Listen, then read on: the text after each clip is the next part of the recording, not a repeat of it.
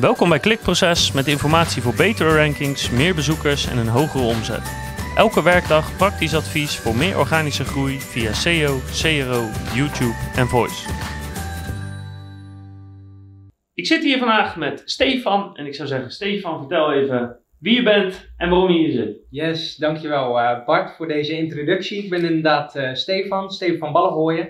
En ik uh, werk bij Allianz. Allianz is een verzekeraar en wereldwijd de grootste financiële dienstverlener. En ik werk bij Allianz als uh, conversiespecialist. Nou, wat, uh, wat houdt conversiespecialisme in? Dat houdt in dat ik dagelijks bezig ben om mensen van A naar B te krijgen. En dat kan op basis uh, van data, dat ik zie, hey, loopt iemand ergens tegenaan, want hier hebben we geen data meer. Dan ga ik kijken, oké, wat is de reden dat mensen hier niet door kunnen? Wat houdt ze tegen om van A naar B te komen. En uh, ja, dat brengt me ook uh, eigenlijk uh, hier vandaag, want ik ga met jullie nadenken over een usability lab. Een usability lab um, is een ruimte eigenlijk waar je, waar je gebruikerstesten doet. En gebruikerstesten, dat doe je om te achterhalen hoe iemand jouw product gebruikt. Als je bijvoorbeeld een, eh, een afstandsbediening, dan weet iedereen hoe dat, eh, hoe dat werkt. Want je vindt bovenaan het, eh, het knopje voor, vooruit. En de nummers vertegenwoordigen ook de, de, de zenders waar je naartoe kan schakelen.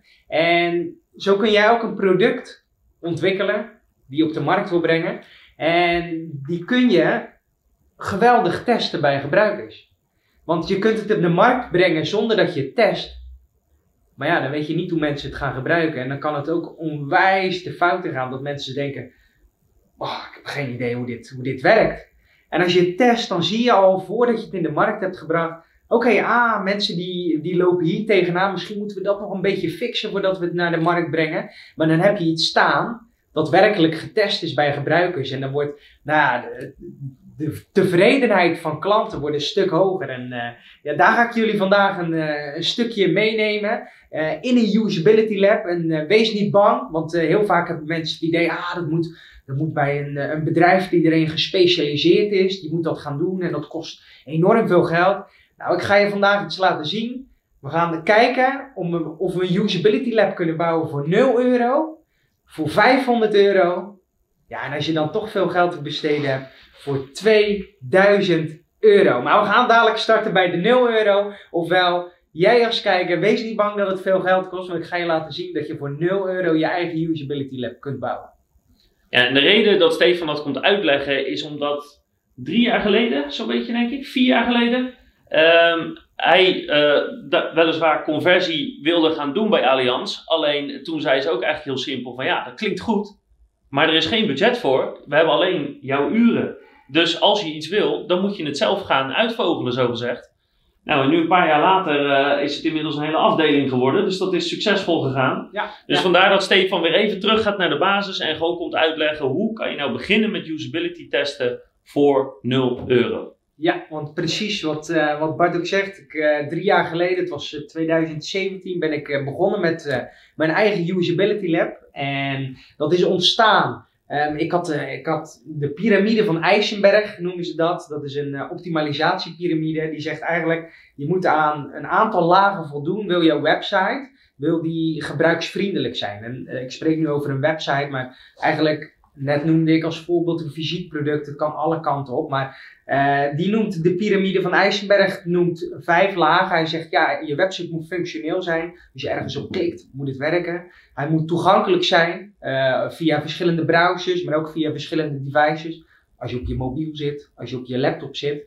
Uh, daarnaast moet hij gebruiksvriendelijk zijn, intuïtief en uh, moet hij ook overtuigingskracht hebben. En ik ontdekte dat eigenlijk de onderste drie lagen in die piramide van Eisenberg, dat je die uitstekend kunt uh, achterhalen, de problemen die mensen daar ervaren met de Usability Lab. En toen had ik de droom, ah, dat moet in zo'n prachtige ruimte met spiegelwand en een, een goede interviewer, et cetera. En toen ging ik met mijn, met de offerte die ik had opgevraagd bij een bedrijf, ging ik naar mijn manager toe. Dat was 13.000, 14.000 euro. En. Nou, viel hij van zijn stoel. Ja, nou, hij keek me aan en toen zei hij, nou, dat gaan we nu maar even. Ik denk dat we het geld beter kunnen investeren. Ja. toen zat ik met mijn handen in het haar. Ik denk, ja, weet je, uh, dan had ik de neiging om, om boos te worden. Dat ik van, ja, dit bedrijf wil nergens in investeren in een betere klantreis. En waarom zou ik het nog doen? En ik, dat soort gedachten kwamen gelijk in me op. En toen kwam ik in aanraking met het boek van Steve Crook. Dat is Don't Make Me Think. Dat is, daar motiveerde hij eigenlijk in. usability Lab, dat hoeft niet veel te kosten. Dat kan al, kan al voor een paar dollar per maand. En toen dacht ik, ah, dat ga ik ook bij Allianz doen. En dat is eigenlijk, uh, toen ben ik begonnen. En uh, Bart zei het al, uh, toen met 0 euro. En inmiddels staat er inderdaad een heel team die werkt aan alle tests die we binnen Allianz doen. En maakt testen ook deel uit van onze Blue Principles. En dat, dat wil zeggen, dat zijn de ontwikkelprincipes. Dus voordat we iets naar de markt brengen, hebben we het nu voor elkaar gekregen dat het altijd getest moet worden. En dat is echt wel de jongensdroom die, die ja, uitkomt, ja, en je had het over die, eh, die piramide van Eisenberg. En um, voor alle duidelijkheid, de, die onderste lagen, dat gaat vooral over functionele dingen met name. Dus um, werkt het überhaupt? En is het enigszins logisch voor een gebruiker om te snappen hoe dat werkt? Hij hoeft hij niet 10 seconden naar zijn scherm te staren en dan pas snappen dat die knop is degene is waar hij op moet drukken. En dan zou je denken van ja, luister, uh, elke website die nu wordt opgeleverd, elke webshop, dat is al honderd keer gedaan dat doet het toch wel. Hè? Dat, dat werkt toch wel. Bezoekers snappen toch wel hoe het zit. Nou, en dat is dus absoluut niet zo. Uh, of het nou gaat om formulieren, uh, om, om bepaalde knoppen, of dat er gewoon iets kapot gaat in de site of shop, maar dat niemand het door heeft. Dat is echt aan de orde van de dag. Dus of je nu de, de allerkleinste site of shop hebt, of een bol.com bent, iedereen zou bezig moeten zijn met usability onderzoek om de site of shop te verbeteren. Want overal zitten daar gewoon nog kleine of grote verbeterpunten in. En dit zijn met name verbeterpunten dat als je ze oplost, ze bijna altijd meteen zorgen voor meer conversie of een betere doorstroom, omdat het echt uh, fouten zijn dat er een soort iets kapot is of dat mensen iets echt niet snappen. Dus het heeft niks te maken met dat je iemand extra gaat overtuigen. Het is meer van iemand wil wel, maar hij weet niet hoe of hij kan het nu niet. Dus als je dit gaat toepassen, gaat je conversie echt meteen omhoog. Zit je conversie onder de 2%, dan garandeer ik je dat je usability problemen hebt op je site of shop. Dus dan is dit helemaal interessant. Nou, dit is het uh, moment supreme. Uh, we gaan starten. Wat ik al zei, je kunt een eigen usability lab bouwen voor 0 euro. En je hebt een aantal dingetjes nodig. En ik ga je gewoon eens laten zien hoe je je eigen usability lab uh, bouwt voor 0 euro. En dan noem ik wel 0 euro, maar je gebruikt eigenlijk alleen dingen die je feitelijk altijd binnen je bedrijf al hebt. En dat start bij een ruimte zoals dit. En ik ga je nu laten zien. Een uh, laptop nodig. Altijd heel belangrijk. En daarnaast, om ervoor te zorgen dat een collega kan meekijken, heb je een scherm aan deze kant. En dat hoeft niet altijd een scherm in deze ruimte te zijn. Het kan ook zo zijn dat je collega in een andere ruimte meekijkt. Maar voor je eigen usability lab voor 0 euro is het alles wat je nodig hebt. Je hebt je tafel, je hebt je scherm voor je collega en je eigen scherm. En dan gaan Bart en ik nu laten zien hoe je dan je eigen usability lab doet. Dus ik, uh, Bart, als ik jou mag uitnodigen aan deze kant. Zeker. Dan kom ik uh, naast jou zitten. Ja, want wat, uh, wat ga ik nu doen? Ja, nou in, uh, in principe is een usability lab, wat voor usability uh, lab je ook hebt, of dat nou eentje voor 0 euro is of eentje van, van 2000 euro. Het bestaat altijd uit een vast aantal componenten. Allereerst moet je een respondent hebben. Nou, die hebben we binnengehaald. Ja, voor, voor, alle duidelijkheid, de respondent is dus iemand die de test gaat uitvoeren. Ja, exact. Ja. exact. En die, ik ben bij Allianz begonnen omdat wij geen geld hadden om mensen van buitenaf te halen. Uh, gewoon met medewerkers. We hebben bij Allianz hebben we 1200 medewerkers in Nederland. En die zijn bezig met verschillende producten. Dus mensen met schadeverzekeringen, mensen met pensioenverzekeringen, die helemaal niks met elkaar te maken hebben. En wat heb ik dan gedaan? Ik heb een, eh, een panel opgezet en dat, ik had een logootje laten ontwerpen. En uh, in, dat, in dat logootje was een brein te zien. Ja. En dat, uh, ik heb van Guido begrepen, Guido Jansen van de Zero Café podcast, dat, hij, dat een brein het altijd ontzettend goed doet. Dat dat altijd een positief effect heeft. Dus ik ben naar al onze medewerkers heb ik een mail gestuurd met hey, ik wil een eigen usability lab beginnen. Met het, uh, met het logo van het brein erbij. En ik had echt binnen een dag had ik al 80 aanmeldingen alleen al in Nederland. Ofwel, we hadden de respondenten. Ja. En ik zeg altijd, zet minimaal, gebruik minimaal een usability test vijf respondenten. Want Jacob Nielsen, die zegt, dat is een goede op het gebied van usability testing. Die zegt 80% van de drempels die mensen ervaren op je website, wat je net al zei, uh, heb jij 2% of minder conversie op je website, dan komen ze drempels tegen. ja. Nou, 80% van die drempels ga je met vijf respondenten kunnen achterhalen. Ja. Um, dus je kunt met medewerkers starten, uh, minimaal vijf. Maar je kunt ook zeggen, hey, ik heb nog uh, uh, klanten die ik goed ken. Ja. Die haal ik naar binnen en die zet ik gewoon achter je laptop. Ja, maar je kan natuurlijk ook denken, denk aan vrienden, denk aan familie. Ja. Eigenlijk kan je ervan uitgaan dat hoe minder ze weten van de site of shop die je wilt testen, hoe beter het eigenlijk is. Want, want anders ja, weten ze misschien al bepaalde manieren om, om iets uit te voeren. Uh, dus wij zitten hier bijvoorbeeld in een bedrijfsverzamelgebouw. Als ik zo'n test zou willen doen, zou ik gewoon rond gaan lopen hier en willen vragen. Uh, wilde misschien iemand in ruil voor een bakje koffie mij helpen? Het duurt een half uurtje tot een uurtje. En je zou mij daar een heel groot plezier mee doen. Dus het krijgen van respondenten kan in principe gratis. En stel dat dat niet lukt, zou je zelfs nog op een zomerse dag zou je uh, naar buiten kunnen lopen. En dan loop je naar buiten, spreek je gewoon mensen op straat aan. Zeg je, joh, in ruil voor van mijn part uh, een cadeaubon van 10 euro. Zou je mij even willen helpen? En heel veel mensen vinden dat eigenlijk best wel leuk om te doen. Ja, ja, en je ziet ook vaak, ik merk dat gadgets het ook vaak leuk vinden. Dus je nog, we hebben nog stressballetjes van Allianz. En daar worden mensen heel blij van. Dan willen ze altijd een half uur tot drie kwartier graag uh, met je in een ruimte zitten. Ja. Dus respondenten, die, uh, die heb je, dat is belangrijk. Uh, dan is de tweede component dat je ook een interviewer hebt. Uh, ik dacht altijd, ah, dan moet ik iemand hebben die, uh, die heel veel ervaring heeft met, met interviews afnemen. Maar ik heb gemerkt, als je een aantal modelletjes hanteert, communicatiemodelletjes, dan ga je het ermee redden. De allereerste is LSD-model, dat is luisteren. Dat klinkt interessant. klinkt heel interessant. Dat is luisteren, samenvatten en doorvragen. Dus iemand zit achter de, de computer. Um, luister naar wat hij wat gaat doen. Je geeft hem bijvoorbeeld een opdracht. Um, sluit een uh, verzekering af uh, via deze pagina. Dan gaat hij dat doen. En dan, dan luister je wat hij, wat hij doet. Hij zegt, oh ik ga met mijn muis bijvoorbeeld naar rechtsboven. Dus oké, ik zie dat je naar rechtsboven gaat. Um, kun je eens uitleggen wat, wat voor jou de reden is geweest om naar rechtsboven te gaan? Dan vat je het eigenlijk samen en dan vraag je ook door. Dus dat is een heel belangrijk component. En de tweede is soften. Softe staat voor, uh, zorg allereerst voor een glimlach als je naast iemand zit. Want okay. je kunt heel boos kijken, maar dan... dan heel serieus, maar dan ja, voelt iemand zich onder druk. Dan voelt ergens, iemand hè? zich onder ja, druk. Uh, open houding. Ik kan, uh, ik kan natuurlijk zo gaan zitten, Bart naast jou of een beetje onderuit gezakt. Maar dat geeft jou geen prettig idee voor een interviewer. Ja. Um, forward leaning zorgt dat je een beetje voorover geleund hangt. Niet zoals ik zei. zo, nou Bart, hoe, hoe doe je dat? ja, precies. Uh, de touch doet het uh, ook altijd goed, dat is uh, de T. je hoeft niet per se iedereen constant Ja. aan te raken natuurlijk, maar af en toe doet het goed om heel kort, zonder dat eigenlijk iemand het door heeft, even het moment van contact te hebben. Ehm, daarnaast oogcontact ook heel belangrijk. eye contact is dat. kijk iemand aan als die wat zegt, want anders heeft hij het gevoel, oké, okay, er wordt toch niet geluisterd, dus wat maakt het uit? Ja. En de laatste is nodding, zorg ervoor dat je, dat je knikt. Hmm. Uh, als je luistert, heel goed Bart. Jij voelt, het helemaal perfect uit. Ja. Dus LSD-model en softe, als je dat doet, kun je gewoon een interview zelf afnemen. Hoef je niet iemand in te huren. Uh, kun je gratis een usability uh, test doen. Ja.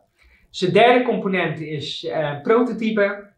Zorg er altijd voor dat je iets kan testen. Want je bent de interviewer, ik heb Bart naar binnen gehaald. Maar ja, als we dan niks uh, voor ons hebben, dus zorg ervoor dat je altijd je eigen website of dat je weet wat er getest uh, ja. moet gaan worden. Dat kan het afsluiten van iets zijn, maar ook als er een servicecomponent in zit om dat uh, te testen of een fysiek product, als je iets ontwikkeld hebt. Kijk dan eens hoe mensen erop reageren. Zorg ervoor dat het prototype er is. En een prototype kan, net als bij Allianz had, gewoon al iets zijn dat al in de markt staat, ja. wat je gewoon gaat, gaat testen. Ja. Dus dat is het derde. Verderop in de video zullen we nog iets meer uitleggen over wat voor soort testen je dan kan doen. En wat bijvoorbeeld goede pagina's zijn of slimme manieren zijn om dat te doen. Dus over wat voor testen precies uitvoeren, daar komen we zo meteen nog even op terug. Ja, exact. En uh, dan kom je meer op, op de opstelling en de tools die je gebruikt. Nou, je ziet dat de opstelling, je zet een respondent eh, naast de interviewer neer. Dus ga als interviewer niet aan de andere kant van de tafel zitten, want dan heeft iemand het idee: oké, ik ben op sollicitatiegesprek en ik moet, moet dingen gaan vertellen. Nee, zorg ervoor dat je naast iemand zit. Het geeft een hele fijne interview setting. Ehm, ja, want je moet je voorstellen dat. Kijk, mensen komen natuurlijk in een ruimte, er staat een laptop, er staat nog een laptop, ze weten dat je iets wilt testen. Dus er is een bepaalde mate van, van druk of van serieusheid die iemand kan ervaren. En het is juist belangrijk dat dat niet het geval is. Je moet niet het geval hebben dat je examen voor, voor, je school zit te maken. Want dan ga je je anders gedragen als dat je normaal doet. Hè. Dan ga je extra je best doen. Of dan ga je het niet tonen als je iets niet snapt, bijvoorbeeld. Omdat je bang bent dat het dan fout is. Terwijl het juist de bedoeling is dat je gewoon open, vriendelijk, net zoals je thuis achter je computer zit. Dat gedrag wil je hebben. En ja, iemand moet zich gewoon ontspannen voelen. Hè? Even wat te drinken aanbieden. Even inderdaad gewoon even een klein gesprekje misschien uh, vooraf voeren om iemand op zijn gemak te stellen. Gewoon dat iemand in zijn normale setting zit en snapt dat het geen probleem is als er iets niet goed gaat of fout is of als je ergens niet uitkomt. En je kan zo'n test niet fout doen. Er is geen goede of ja. foute manier. Ja, het, het, slechtste resultaat wat je kan hebben is dat iemand vlekkeloos je proces doorloopt, want dan heb je niets geleerd. Ja, exact. En dat kan ook weer een goed teken zijn, want dan werkt het echt. Maar uh, helaas Bart, ik heb nog nooit iets meegemaakt waar iemand vlekkeloos doorheen kwam. Maar precies ook wat je zegt, uh, bied iemand een bakje koffie aan, praat even over wat, niet per se gelijk over de test, maar over iemands eigen leven. Iemand vindt het altijd fijn als hij kan vertellen wat voor werk hij doet, um, wat hij in het dagelijks leven doet, of hij kinderen heeft, et cetera. dat voelt altijd, ja, ben ik, zit ik dan niet te veel in iemands privé situatie? Wees niet bang, mensen vinden het altijd heel prettig als, ze als ze ergens komen om dat eventjes te kunnen doen. Dus zo'n small talk, bouw het erin, want dan ga je echt betere antwoorden krijgen. Niet het sociaal wenselijke, maar echt wat er iemand, in iemand omgaat. Ja. Nou, wat ik eh, net al zei, de opstelling, nou die hebben we. Ehm, daar heb je een ander scherm waarin een collega kan uh, meekijken en meeschrijven, annotaties kunt maken. Ehm, je kan ook voor zeggen, hey, ik zet iemand in een andere ruimte neer. Dan kom ik zo op de, op de tools die je daarvoor gebruikt. Uh, dan kun je verschillende settings kiezen komt ook soms voor bij mij dat ik geen uh, collega heb die meekijkt. Uh, dat betekent dat ik dan soms moet meeschrijven. Probeer dat niet te veel te doen, om ook dat oogcontact niet altijd te verliezen, maar om zelf wat notaties te maken. Um, breng me gelijk op de tools, um, want waar ik, ik maak altijd gebruik van twee tools voor het Usability Lab als je het voor 0 euro doet. Dat is allereerst een, een Skype-achtige setting, want via Skype kun je het scherm delen. Dus dat zorgt ervoor dat je collega die hier tegenover zit of in de andere ruimte ook ziet wat er op het scherm gebeurt. Super belangrijk. En Skype is gewoon, uh, gewoon gratis. En het tweede is Screencastify. Uh, Screencastify is een, een, tool waarmee je uh, schermopnames kunt maken. Dus dat je altijd kunt zeggen: Oké, ik ik, ik weet dat bij de derde minuut dat Bart ergens op klikt en dat hij helemaal gefrustreerd was. Ja, dat is het moment dat we eruit willen knippen om ervoor te zorgen dat bijvoorbeeld de developer of de manager die overtuigd moet worden, dat hij weet, oké, dit vond de plaats en deze oplossing moeten we creëren. Skype, Screencastify, twee gratis tools. Maar weet je, als je zoekt naar andere gratis tools die dit kunnen, zijn er zat. Ja. Uh, bij Allianz gebruiken wij WebEx voor het schermdelen. Uh, maar je kunt ook als je een MacBook gebruikt, ook gewoon schermopnames maken. Uh, met je gezicht en van het scherm. En dat is ook gewoon gratis. Ja, het, het, gaat niet om de tool, het gaat er gewoon om. Je wil het scherm van, van de persoon die een test gaat uitvoeren, is, die wil je opnemen en je wil het kunnen delen. Hè? En welk middel je daarvoor gebruikt, is eigenlijk onder de even. Ja, ja, dus als je bedrijf al iets heeft, gebruik dat gewoon. Exact. Vaak wordt gedacht vanuit middelen, dat je dan op deze video hoort, ah, uh, een betaalde tool die zij gebruiken, die moeten wij ook gebruiken. Dat hoeft niet, want je doel is dat je schermopnames kunt maken, inderdaad, zoals Bart zegt. Um, ga vanuit dat doel werken en zoek de tools die daarbij passen, maar ook binnen je budget. Dus als je geen budget hebt, gebruik een screencast gebruik iets gratis, want uh, er zijn zat gratis tools op de markt die jou kunnen helpen om jouw doel te bereiken. Ja. Dus dat, uh, dat is een usability lab uh, voor 0 euro en dan zorg je er eigenlijk voor dat, dat iemand de taak gaat uitvoeren die je meegeeft. Wat ik net al zei, bijvoorbeeld de afsluiten van een verzekering. Maar dat kan ook heel iets anders zijn. Laat iemand daarin zijn ding doen en vraag hem daarbij expliciet om te benoemen wat hij doet en waarom die het doet. Want dat geeft jou inzicht, oké, uh, ik ga hierop klikken, want um, ik denk dat dat de volgende actiebutton is. Dat kan bijvoorbeeld eruit komen. En dat geeft super waardevolle inzicht. Ik weet bij, uh, bij Allianz eh, dat wij een keer een formulier getest hadden. Dat was op, op mobiel hadden we dat getest. Ehm, en dan moest je op een vorm van schade klikken die je had gemeld. En dan zag je mensen daarop klikken. En dan zag je een moment van wachten. Hij zei ja, ik ga hierop klikken, want dan denk ik dat ik verder ga. Maar op dat moment gebeurde het niet, want wat bleek? Hij moest naar beneden scrollen om daar naar een volgende button te gaan. Maar dat is de drempel die je daar ziet ontstaan. Hij zegt ook, ik klik hier, want ik denk dat ik doorga. En er gebeurt op dat moment niks. Dan weet je, ah, dit is een drempel waar iemand tegenaan loopt. Perfecte inzichten die je uit zijn usability lab haalt. Dus ja, wees niet bang dat het inderdaad veel geld kost. Maar ga het gewoon doen. Ja, een ander simpel voorbeeld van wat we wel eens hebben gehad is... Ehm, in veel formulieren vallen mensen over telefoonnummer. Dus wat gebeurt er? Iemand zit een, een offerte aan te vragen, nou dat gaat helemaal goed. En die stuit op het offerteformulier en die zegt: Ja, luister, ja, ik moet, waarom moet ik hier een telefoonnummer invullen? Dat ga ik gewoon niet doen, want dan word ik gebeld, dan word ik lastiggevallen, daar heb ik helemaal geen zin in. Dus die weigerde oprecht in de test om het uh, telefoonnummer in te vullen. En dat is een heel goed teken, net als dat iemand zegt, nou ik ga nu wachten, want ik ga nu door. En dat gebeurt vervolgens niet om te kijken, uh, ja, wat, wat, moeten we gaan doen om dat te verbeteren? Ja, en juist inderdaad wat je noemt, zo'n telefoonnummer. Uh, jij benoemde het eigenlijk al aan het begin van de video. Uh, er zijn van die componenten dat je denkt van, nou dit werkt toch? Mensen gaan niet toch doorheen.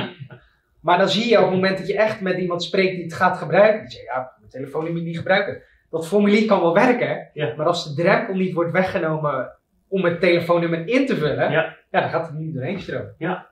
Dus dat is super waardevol uit zo'n uh, usability test. Voor 0 euro feitelijk al. Precies. Dus in feite is dit alles wat je nodig hebt. En de meeste bedrijven hebben dit. Een laptop of een computer. Een tweede beeldscherm uh, met een collega die meekijkt. Anders heb je niks aan het beeldscherm natuurlijk. Uh, iemand die interviewt, dus die de vragen stelt of, of de, en de taak uitlegt. Um, in elk geval vijf mensen doorgaans die de test willen afdoen. En ja, met vijf mensen heb je ongeveer 80% van de issues uh, vind je dan. Um, en software om dit scherm uh, op te nemen en het te delen met een andere computer. En dat is het. Juist, en het is super waardevol als je gaat testen. Want vaak denken, ah, ik ben bijvoorbeeld ZZP'er, ik ben een klein MKB of de, de middelgrote MKB die denkt van ja, maar dat kost me veel geld en tijd. Nee, je ziet, het kan al voor 0 euro. En het is super waardevol wat je doet, want je gaat in het hoofd van de klant duiken. En op het moment dat je in het hoofd van de klant duikt, ga je dingen ontdekken. Hoe die klant ermee omgaat. En dan zorg je ervoor dat je uiteindelijk betere producten ontwikkelt. En uit onderzoek, het is een onderzoek van 2017, maar uh, recent heb ik andere cijfers gezien die, uh, die eigenlijk hetzelfde beeld nog steeds geven. Is dat van digital marketeers, en dat hoef je niet altijd te zijn, blijkt al dat 51% nooit tests doet. Ja. En ik hoop ook dat, eh, dat deze video ook jou echt uitdaagt om komende week of de komende maanden echt een keer te gaan testen voor 0 euro. En als je dat gaat doen, nou, dan krijg je zin om gewoon je usability lab voor 500 euro of misschien wel voor 2000 euro uh, op te gaan zetten. Oh ja, uh, Bart, mobile wordt natuurlijk steeds belangrijker. Ehm, dus hoe ben je voorbereid in een usability lab voor 0 euro op mobile testing? Nou, dat ga ik, je, ga ik je vertellen. Ik heb iets meegenomen.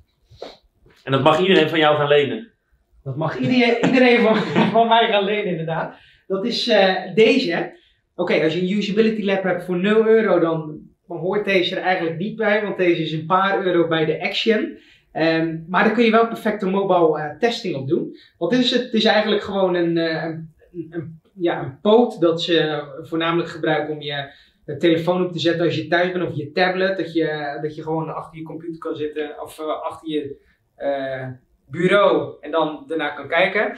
Maar hij is perfect geschikt voor mobile testing. Wat doe je? Je klikt hem hier aan vast. En wat je dan doet, dan zorg je dat hij een beetje bijgesteld wordt. Heb ik mijn telefoon hierbij. Die klik ik hier aan vast. En wat je dan kunt doen, is, Bart doet het al heel goed. Bart gaat hieronder, onder het scherm van mijn telefoon, gewoon de usability test doen. Deze, die connecten we bijvoorbeeld met Skype. Dus op het moment dat Skype geconnect is, kan mijn collega die aan de andere kant zit, kan eigenlijk zien wat Bart hier onder deze poot aan het doen is. Waardoor je dus perfecte usability testing kan doen op mobile met eigenlijk dezelfde functionaliteiten als die we net hebben benoemd. Ja, dus als je, dit, als je dit niet doet, of als je niet dus die paar euro uit wil geven hiervoor, dan heeft dat als gevolg dat je dus eigenlijk bij iemand mee moet gaan kijken. Dus dat betekent dat of je collega een soort achter de schouder mee moet gaan kijken, wat heel oncomfortabel is voor degene die hier zit. Of als interviewer moet je mee gaan kijken, maar dan moet je, dan ben je je oogcontact in elk geval kwijt, dan moet je zo gaan meekijken. Dan wordt het eh, stellen van vragen, dat doe je dan in iemands oren ongeveer. Dus dat ehm, kan technisch gezien ook wel, maar dat zorgt voor hele ongemakkelijke situaties. En eigenlijk door eh, nou ja, een paar euro, letterlijk een paar euro uit te geven, eh, kan je gewoon een hele goede eh, mobiele test draaien. Nou, je hebt net, het, net gezien hoe je een eigen usability lab bouwt voor 0 euro. Maar ja, wat als je een beetje geld hebt te besteden, dan kun je ook hele leuke dingen doen. Stel je hebt 500 euro, en dan heb ik het over gewoon eenmalig 500 euro. Dan ga ik je meenemen wat ik zou doen, en wat ik bij Allianz heb gedaan voor 500 euro, om eigenlijk de volgende stap te zetten om nog beter te kunnen testen. Betere kwaliteit te krijgen en dus uiteindelijk betere inzichten. En die elementen die ga ik er nu bij pakken. Bart kan lekker blijven zitten, Ja. want ik ga laten zien hoe je het opbouwt. Ja, want in feite gaat het dus om dat als je. eh, dit zijn de componenten van een usability lab. Dus dat geld ga je vooral besteden om de kwaliteit van je testen te verbeteren. Zo. Dit is element 1.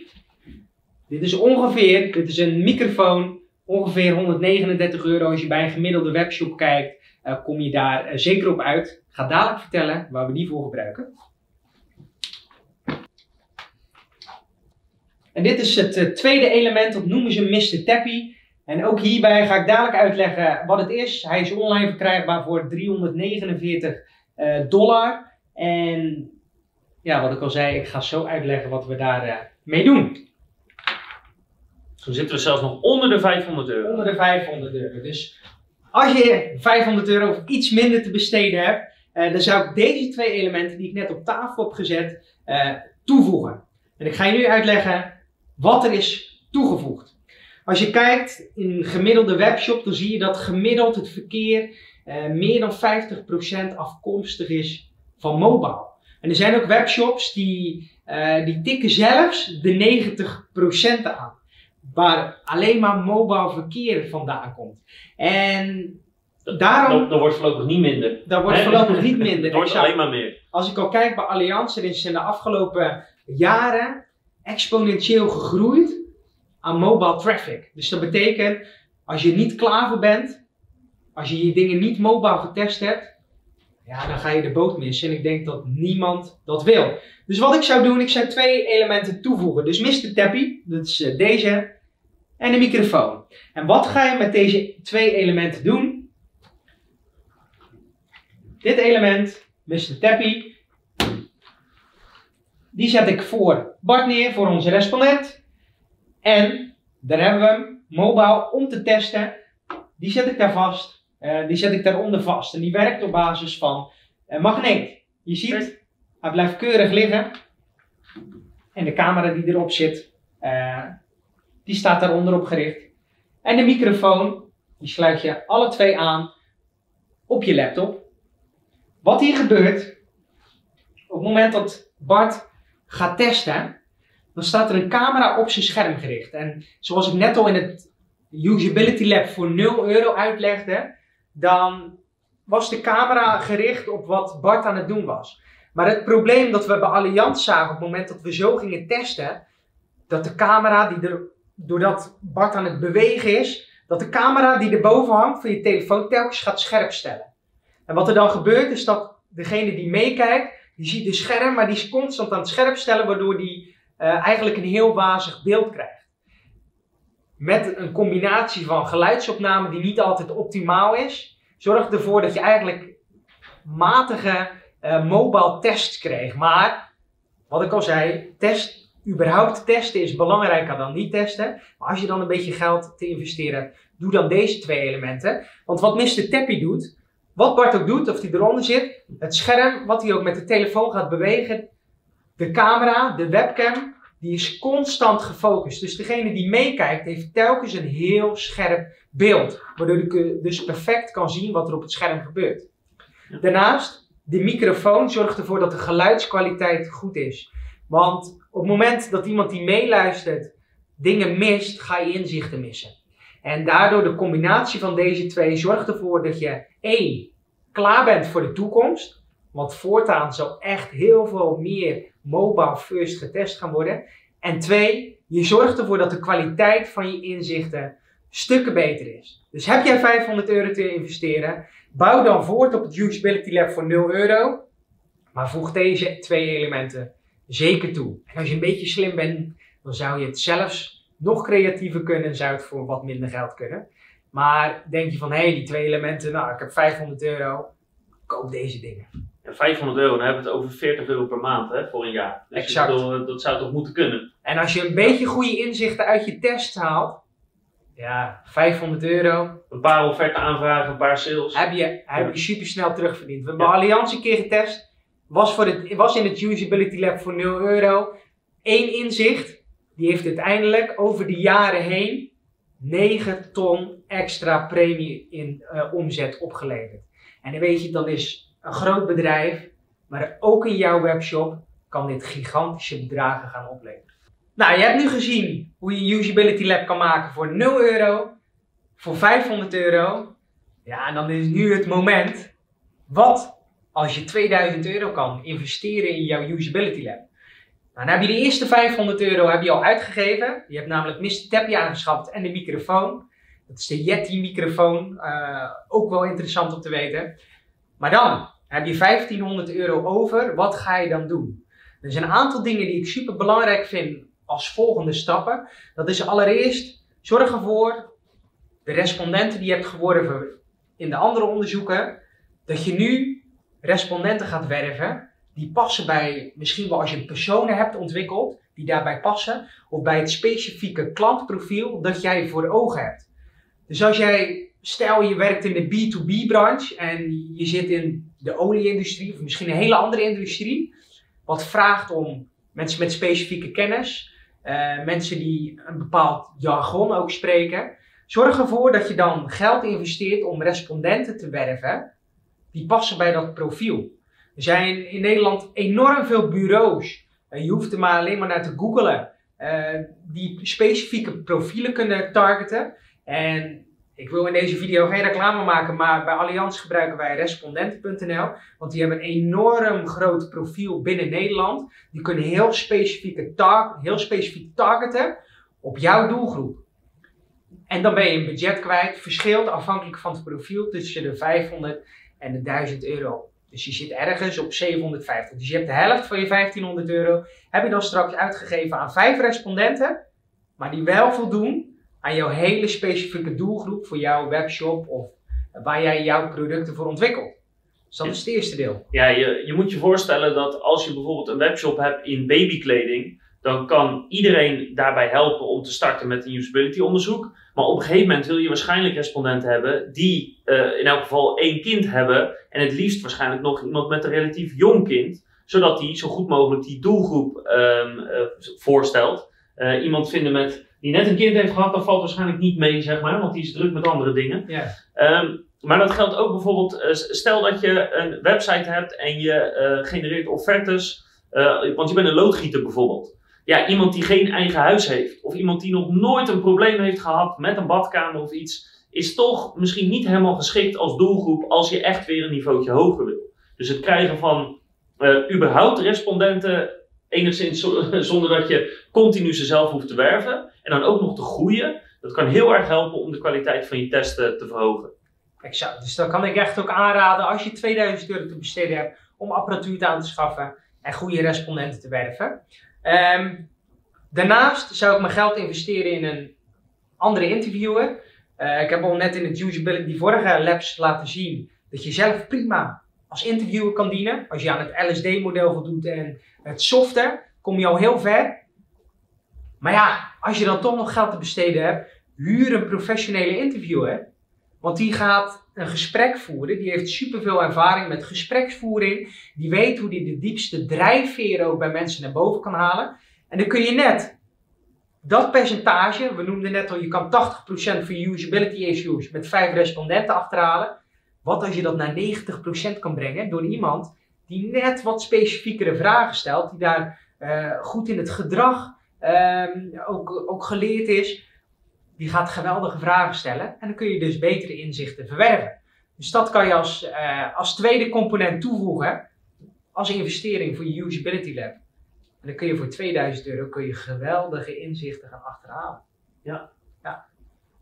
Um, dus dat is het voor 2000 euro. En dan is nog de laatste vraag: van wat nou als je iemand hebt die helemaal los wil gaan?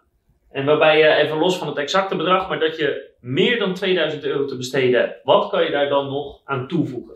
Kijk, meer dan 2000 euro, dan kom je natuurlijk, ah, wat zou je dan allemaal kunnen? Er is onwijs veel wat je, wat je kunt. Ja. Spreek onwijs veel mensen van uh, die usability labs hebben binnen het bedrijf, maar ook uh, spreek ik veel mensen die usability lab onderhouden voor een, uh, voor een, voor een consultancybureau, een digital agency. En wat je daarin ziet, dan zie je heel veel componenten die je eigenlijk kunt toevoegen als je echt veel geld te besteden hebt. Dus allereerst bijvoorbeeld eye tracking.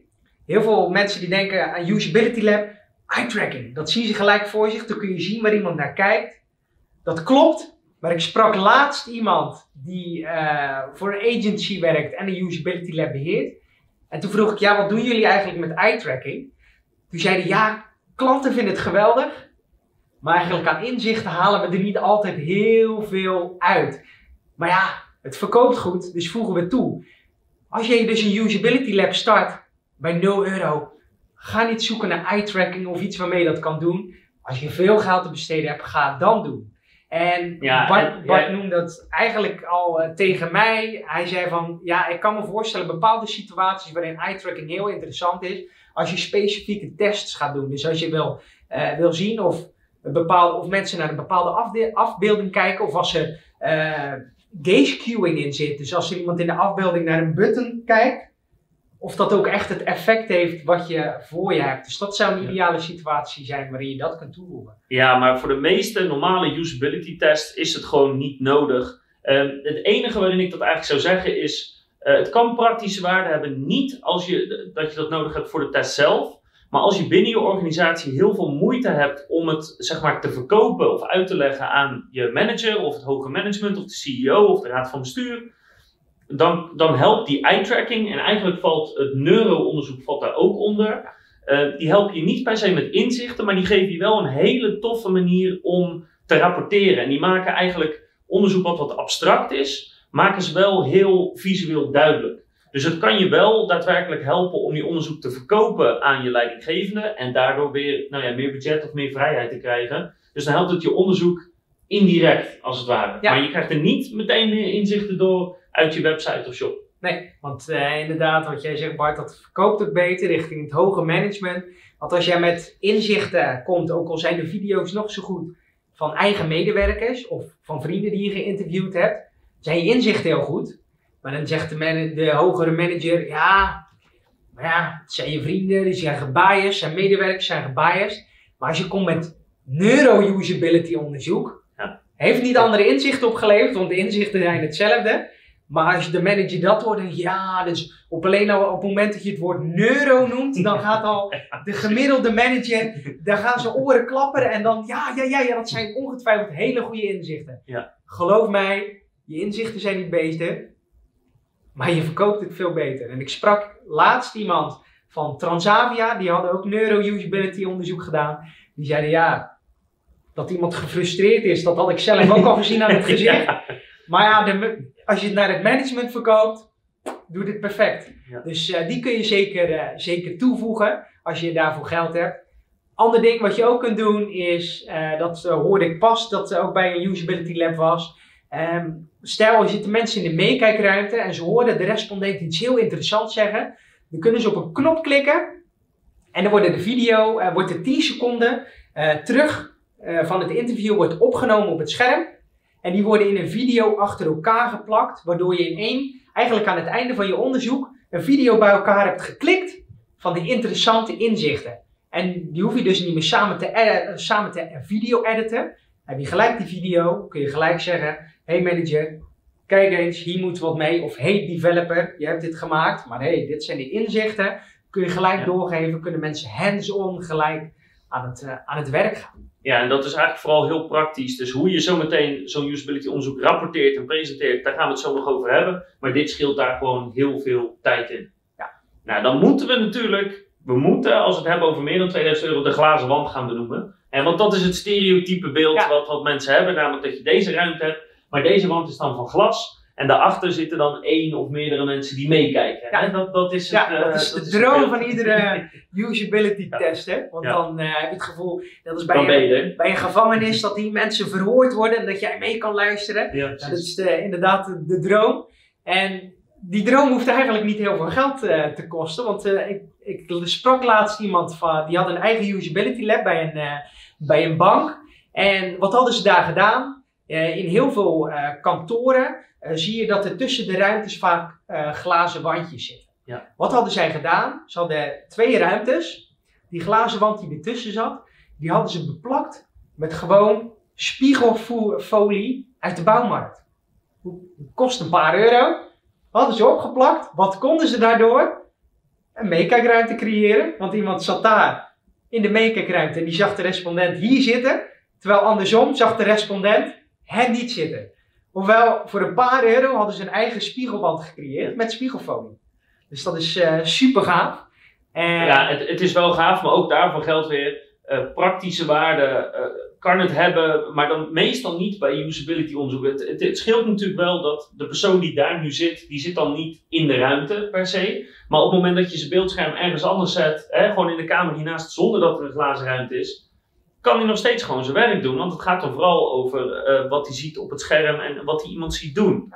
Dus eh, dat is ook weer iets van, het ziet er wel gaaf uit. En als je hoger in conversieonderzoek doet, kan het een bepaalde meerwaarde hebben. Maar niet direct. ja, Dus eh, hou je daar ook echt vast aan dat usability lab voor 0 euro. Dat dat je, je fundament is. Waarin je echt de meeste inzichten gaat verwerven. Tegen de minste, eigenlijk de middelen. Eigenlijk, je gebruikt de middelen die je nodig hebt. Ja. En alle stuff die ernaast zit. Zoals een, een, een mooie spiegelwand of dingen die je nodig kunt hebben. Laat die even los. Start in ieder geval met dat usability lab. Ja. Voor 0 euro. En mocht de respondent in de andere of niet de respondent, maar degene in de meekijkruimte een vraag hebben, gebruik dan bijvoorbeeld je earpods. Of als je andere oordopjes hebt, doe die in. Zoals je ziet, Bart zit naast me, maar eigenlijk ziet hij niet dat ik een oortje in heb. Als ik naar hem toe draai, ziet hij dat wel zitten. Maar wat zorgt ervoor dat iemand die in de meekijkruimte zit, die kan gewoon vragen stellen aan mij, die ik nog even extra kan benoemen. Dat hij ziet, oh, hij heeft op die knop geklikt, maar je hebt niet helemaal goed achterhaald waarom hij nou op die knop had geklikt. Dan hoor ik dat in het oortje en dan kan ik zeggen, Bart, eh, nog even terug op die, die vorige pagina waar je zat. Kun je eens uitleggen waarom je op die button klikte. En dan zie je, ik heb het binnengekregen, de Ja. vraag, en ik kan gewoon het onderzoek nog beter maken. ja, dat is wel iets wat ongemakkelijk wordt als die persoon natuurlijk in dezelfde ruimte, in dezelfde ruimte zit. Dus dat moet je alleen doen als die natuurlijk in een andere ruimte zit. Ook hiervoor geldt, sommige mensen zullen dit al hebben. eh, een hoop mensen denk ik, eh, sommige mensen nog niet. Dus vandaar dat we niet bij de, bij de 0 euro gooiden. Ja. Maar eh, ook dat kan iets zijn waardoor je, hè, want jij bent bezig om op de persoon te letten, eh, hoe die erbij zit. En je probeert iemand ook op zijn gemak te stellen. Dus als interviewer ben je met een paar dingen tegelijk bezig. En degene in de andere ruimte, die is maar met één ding bezig. Ja. Namelijk, wat zie ik precies? Dus Ja. dan kan die soms net even jou helpen de goede vragen op het goede moment te stellen. En eh, nu hebben we elementen laten zien hoe je usability lab maakt voor 0 euro, voor 500, voor du- eh, 2000 euro. Ja. Maar uiteraard experimenteer ook hoe jij jouw usability lab nog beter kan maken. Want ik kan me voorstellen dat de bepaalde settings net wat beter werken en de andere settings net wat minder. Maar hou je hieraan vast als basis en creëer gewoon jouw eigen usability lab. Want je, je kan zulke mooie dingen maken die zorgen voor inzichten waar je geld mee gaat verdienen. En dat is super belangrijk. En als je echt eh, meer budget dan 2000 euro krijgt, dan zijn er nog twee dingen die je kan doen. Die niet per se de kwaliteit van het testen nog verder verbeteren, maar wel de snelheid waarmee je testen kan doen. Dus één is dat het eh, werven van respondenten, we hadden het er net ook al even over, dat wordt op een gegeven moment, eh, kan dat wel vervelend worden. Hè, en, en bij jou werkt nog 1200 man die je zou lastig kunnen vallen. Ja. Eh, maar heel veel organisaties natuurlijk niet. Dus het aan laten leveren van respondenten door een extern bedrijf, dat kan heel fijn zijn, want dat zorgt ervoor dat als je een test gaat draaien, dat je gewoon weet dat er vijf mensen binnen gaan komen. Ehm, en het eventueel uitnodigen van iemand anders bij de test die er daarna iets mee moet. Dus dat kan zijn de, de CEO, zodat hij ziet wat er gebeurt. Maar dat kan ook zijn een developer, zodat hij zelf ziet wat er fout gaat en daarna er meteen mee aan de slag kan gaan. Dus dat kost natuurlijk wel de tijd of, of het geld uh, van, van misschien van een externe die erbij zit. Maar dan ziet hij het meteen, dan ervaart hij het, dan snapt hij het beter en dan kan hij daarna er meteen mee aan de slag. Dus de kwaliteit van de test blijft dan hetzelfde, maar je kan er in feite veel meer of veel sneller doorheen gaan. En uh, misschien wel als mooie afsluiting, ik zei het even zo een stukje terug in deze video, dat 51% van de digital marketeers op dit moment niet test. Nou, ik hoop mede door deze video dat we met elkaar kunnen werken aan een droom waarin niet 51% eigenlijk niet test, maar dat alle digital marketeers, alle ZZP'ers, alle MKB'ers, wie dan ook, eerst test voordat ze iets in de markt zetten. Want één, je verdient veel meer geld. Twee, de klant is blijer. En drie... Het is heel leuk. Het is ontzettend leuk. het is heel leuk, ja. Super. Top. Nou, en dat is dus hoe je zo'n uh, lab opzet. Maar dan is er natuurlijk nog één ding heel belangrijk. Hè? Je hebt een dag getest, hè? er zijn vijf mensen langs geweest, je hebt allerlei opnames. Je hebt, nou als je dit voor het eerst doet, gegarandeerd heel veel inzichten. Het klassieke grapje is dat uh, als je de eerste keer gaat testen, dan de eerste persoon die naast je komt zitten, uh, dan moet je lachen. En dan denk je, wat is die aan het doen? En die snapt er niks van. En dit is gewoon iemand die niet met websites om kan gaan. de tweede persoon doet hetzelfde en dan denk je, oké, okay, dat is niet best. En als op een gegeven moment vier mensen dezelfde fout hebben gemaakt, denk je, oké, dus onze site klopt echt niet. Um, maar je moet wel iets gaan doen met die resultaten. Hè? Uh, dus je hebt een paar uur aan film, heb je dan. Um, je hebt allerlei ideeën opgedaan. Uh, je collega die, die hopelijk heeft meegekeken ook. Dus Stefan, de vraag is dan, wat ga je daarna doen? Wat als de test is afgerond? Ja, wat ik in het verleden altijd, toen ik net mijn Usability Lab had opgezet, dat ik deed, was dat ik na afloop uh, de video's ging knippen met de interessante inzichten. Die voegde ik samen tot de video. En ik maakte een, een hele presentatie waar ik echt een hele dag mee bezig was uh, met de inzichten te combineren met de video's. Maar ik merkte, dan deden ze er wel iets mee, maar niet wat ik wilde. Niet alle inzichten die, die super waardevol waren, die werden opgepakt. Dus wat ben ik gaan doen? Ik ben toen uh, gevraagd aan mijn developer, die met onze website aan de slag was. kan ik jou na afloop van een onderzoek die ik vandaag ga doen spreken. En daar besprak ik eigenlijk alles wat ik die dag aan inzicht had verworven. En dan luisterde die naar en eigenlijk maakte die gelijk zijn eigen aantekening. Die zei, ah, dat is, qua impact hoef ik geen impact-inschatting te maken, maar ik ga gelijk eigenlijk die dingetjes aanpassen. Waardoor we heel agile, supersnel onze inzichten konden verwerken. En dat, ja, dat kan ik eigenlijk iedereen adviseren op het moment dat je die mogelijkheid hebt en je developer ook binnen kan halen. Laat hem gelijk naar het onderzoek zien waar, jij tegenaan, waar de mensen tegenaan lopen, zodat hij ermee aan de slag kan. En heb je die mogelijkheid niet, kun je altijd een video maken, uh, waarin je eigenlijk de inzichten inspreekt. Dus wat ik ook wel eens doe, is dat ik een video maak waarin ik eigenlijk dat moment een soort van respondent ben, dezelfde handelingen doe. En dan zeg ik, ah, vier van de vijf respondenten liepen hier tegenaan. En die inzichten maak ik tot een videootje van 10 minuten, soms een kwartiertje.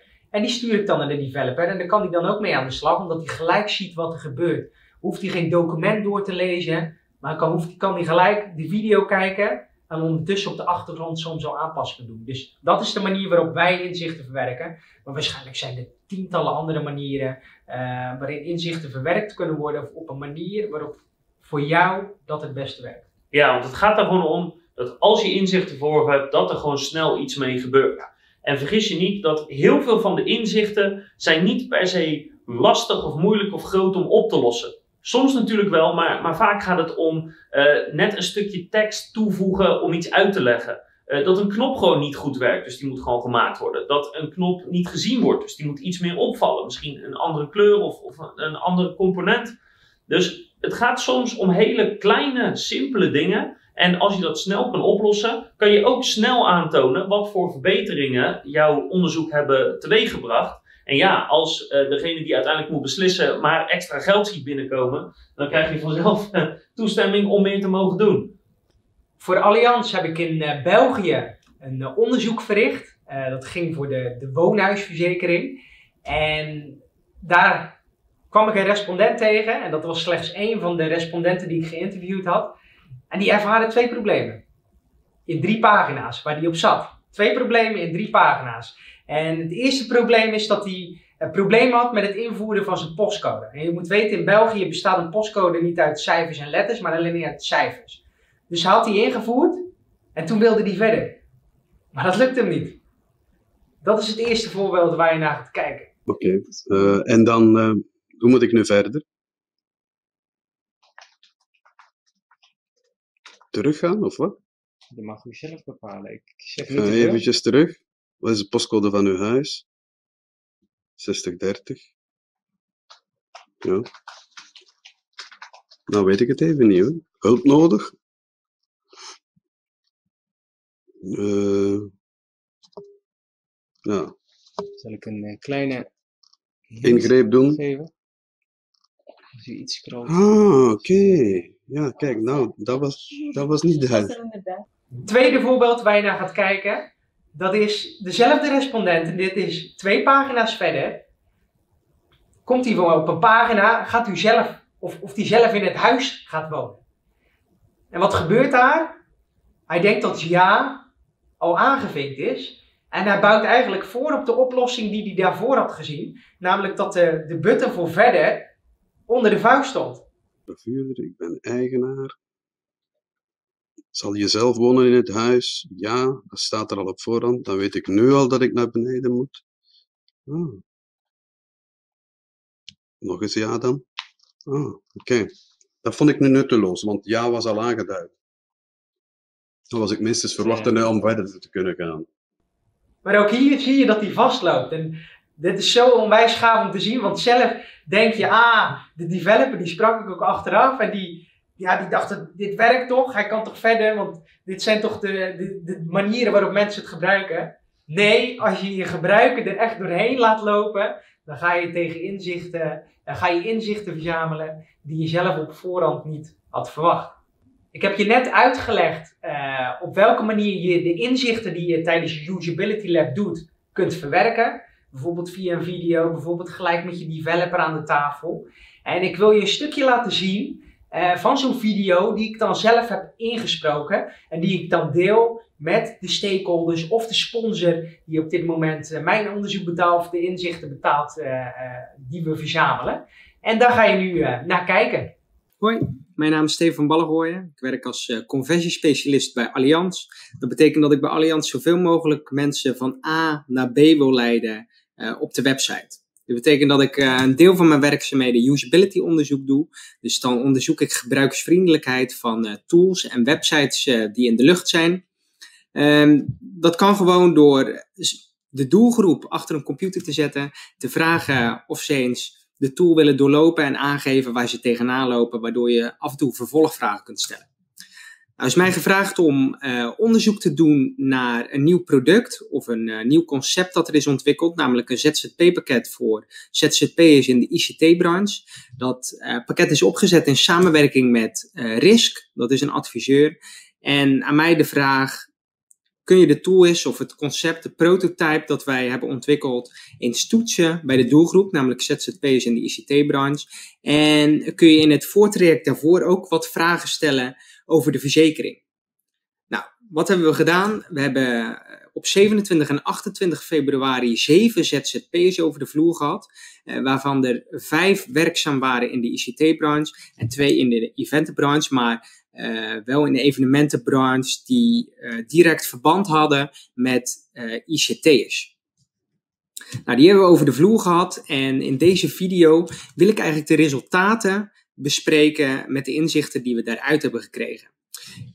In de video ga ik alleen dingen noemen die door minimaal vier van de zeven respondenten genoemd zijn. Want dan is het voor mij informatieverzadiging. Dat betekent dat ik het graag wil generaliseren naar de gehele doelgroep, waardoor we ook een beter beeld kunnen vormen van de tool. Inzichten die minder vaak genoemd zijn, die noem ik in het tweede deel van de video, want daar zaten ook al hele interessante dingen tussen. Je hebt nu gezien hoe je dus een usability in kan richten voor 0 euro of voor 500 of 2000 of misschien zelfs meer. Maar ik wil nog even duidelijk benadrukken van wat je dan precies doet in zo'n usability test of hoe je zo'n test maakt die je hier uitvoert. En uh, Stefan, aan jou het woord. Hoe doe je dat? Ja, ja, we hebben inderdaad in de video al laten zien dat je een prototype moet hebben. Dat is een van de componenten van de Usability Lab. Dat kan je eigen website, dat kan ook iets zijn dat op dit moment live staat, maar dat kan ook een prototype zijn die is ontwikkeld. Maar het is belangrijk op het moment dat je een van die dingen hebt, dat je een taak hebt en een scenario. Want dan kun je iemand laten testen. Een taak kan zijn, sluit een autoverzekering af bij Allianz. Dan ga je in de, de tool waarin je je autoverzekering kunt afsluiten, laat je iemand die taak uitvoeren. Daarnaast is het belangrijk dat je de context schetst bij een taak. Dus iemand heeft als taak de autoverzekering afsluiten. En de context daarbij kan zijn: oké, je hebt een kenteken 59 BVKL. Je hebt een kind en je wilt je minimaal WA verzekeren. Dat kan je als scenario meegeven, maar je kunt talloze scenario's bedenken die je kunt testen. Bekijk bijvoorbeeld, hoe ziet mijn persona eruit? Heeft hij kinderen? Um, is het een, iemand die heel snel besluit? Of is het iemand die bij de dealer staat en dan denkt, ah, ik moet nog een autoverzekering afsluiten? Creëer dan een scenario waarin je zegt, oké, je staat bij de, de dealer, je hebt een nieuwe auto gekocht en nu denk je, ah, ik moet nog een autoverzekering afsluiten. Wat wordt dan hoe ga je die taak uitvoeren, namelijk het afsluiten van een autoverzekering, waardoor je dus een hele specifieke taak uitvoert met een bepaald scenario. En dat is wat je een respondent moet laten doen, want dan ga je hele goede inzichten verzamelen. Ja, en dat is dus allemaal afhankelijk van wat wil je testen. Uh, dus dat kan zijn dat je je respondent een bepaald prijspunt meegeeft, of een bepaalde situatie thuis, of dat die uh, specifiek een bepaalde dienst of product moet kopen. Dus afhankelijk van wat jij wilt testen, zet je een bepaalde specifieke taak neer en geef je die context via een scenario. Dat kan dus van alles zijn, zodat die uh, respondent, als het goed is, in elk geval een beetje de goede kant op zit, zodat je wel daadwerkelijk test wat je wilt testen. het kan gebeuren dat je een bepaald scenario meegeeft en dat vervolgens de respondenten via een hele andere weg dan je had verwacht, uh, vervolgens hun taak gaan uitvoeren. Dat is meer een probleem voor jou dan voor de respondenten, want die houden zich aan wat je hebt gedaan. Um, maar op die manier kan je veel gerichter testen. Dus een simpele taak geven als uh, koop een product in mijn webshop, ja, dat is natuurlijk iets wat vaag, weet je. Want ja, wat moet iemand dan gaan doen? Ja, dan klikt hij misschien gewoon het eerste aan wat hij, wat hij ziet en dan koopt hij dat. Ja. Dus het is vaak beter om iets specifieker te zijn, bijvoorbeeld een product uit een bepaalde categorie. Of je zegt, nou, jouw partner is jarig, koop een cadeau voor je partner, tot 50 euro bijvoorbeeld. Um, om op die manier te zien, wat gaat iemand dan doen en hoe doorloopt hij bijvoorbeeld het checkout proces. En als je dat richt op datgene waar jij denkt dat problemen zijn, bijvoorbeeld omdat je dat uit analytics hebt gehaald, omdat je dat misschien vermoedt, omdat je misschien vanuit je developer daar wel eens wat klachten over hebt gehoord. Misschien vanuit de klantenservice dat er mailtjes over zijn geweest. Nou, op die manier kan je uh, taakgericht aan de slag gaan en kan je antwoorden en inzichten krijgen over datgene wat je wilt testen. Ja, dat klopt helemaal. Dus voordat je een usability lab bouwt voor 0 euro, 500 of 2000 euro en voordat je een taken scenario ontwikkelt, denk echt heel goed na waarom wil ik dit doen. Wat jij al mooi zei, Bart, uh, misschien heb je iets gehoord, een signaal uit, van de klantenservice, dat mensen ergens tegenaan lopen. Dan heb je een hele gerichte waarom ga ik dit doen. Ik ga dit doen, want ik wil dit probleem dat bij, bij de klantenservice binnenkomt, dat wil ik oplossen. Dus ik wil gaan kijken in welke context, in welke situatie vindt dit plaats. En daar ga je gericht op testen. Dus voordat je begint met dat usability lab, met dat takenscenario denk, waarom ga ik dit doen? Want dan ga je iets creëren waar je de geweldigste inzicht uit gaat.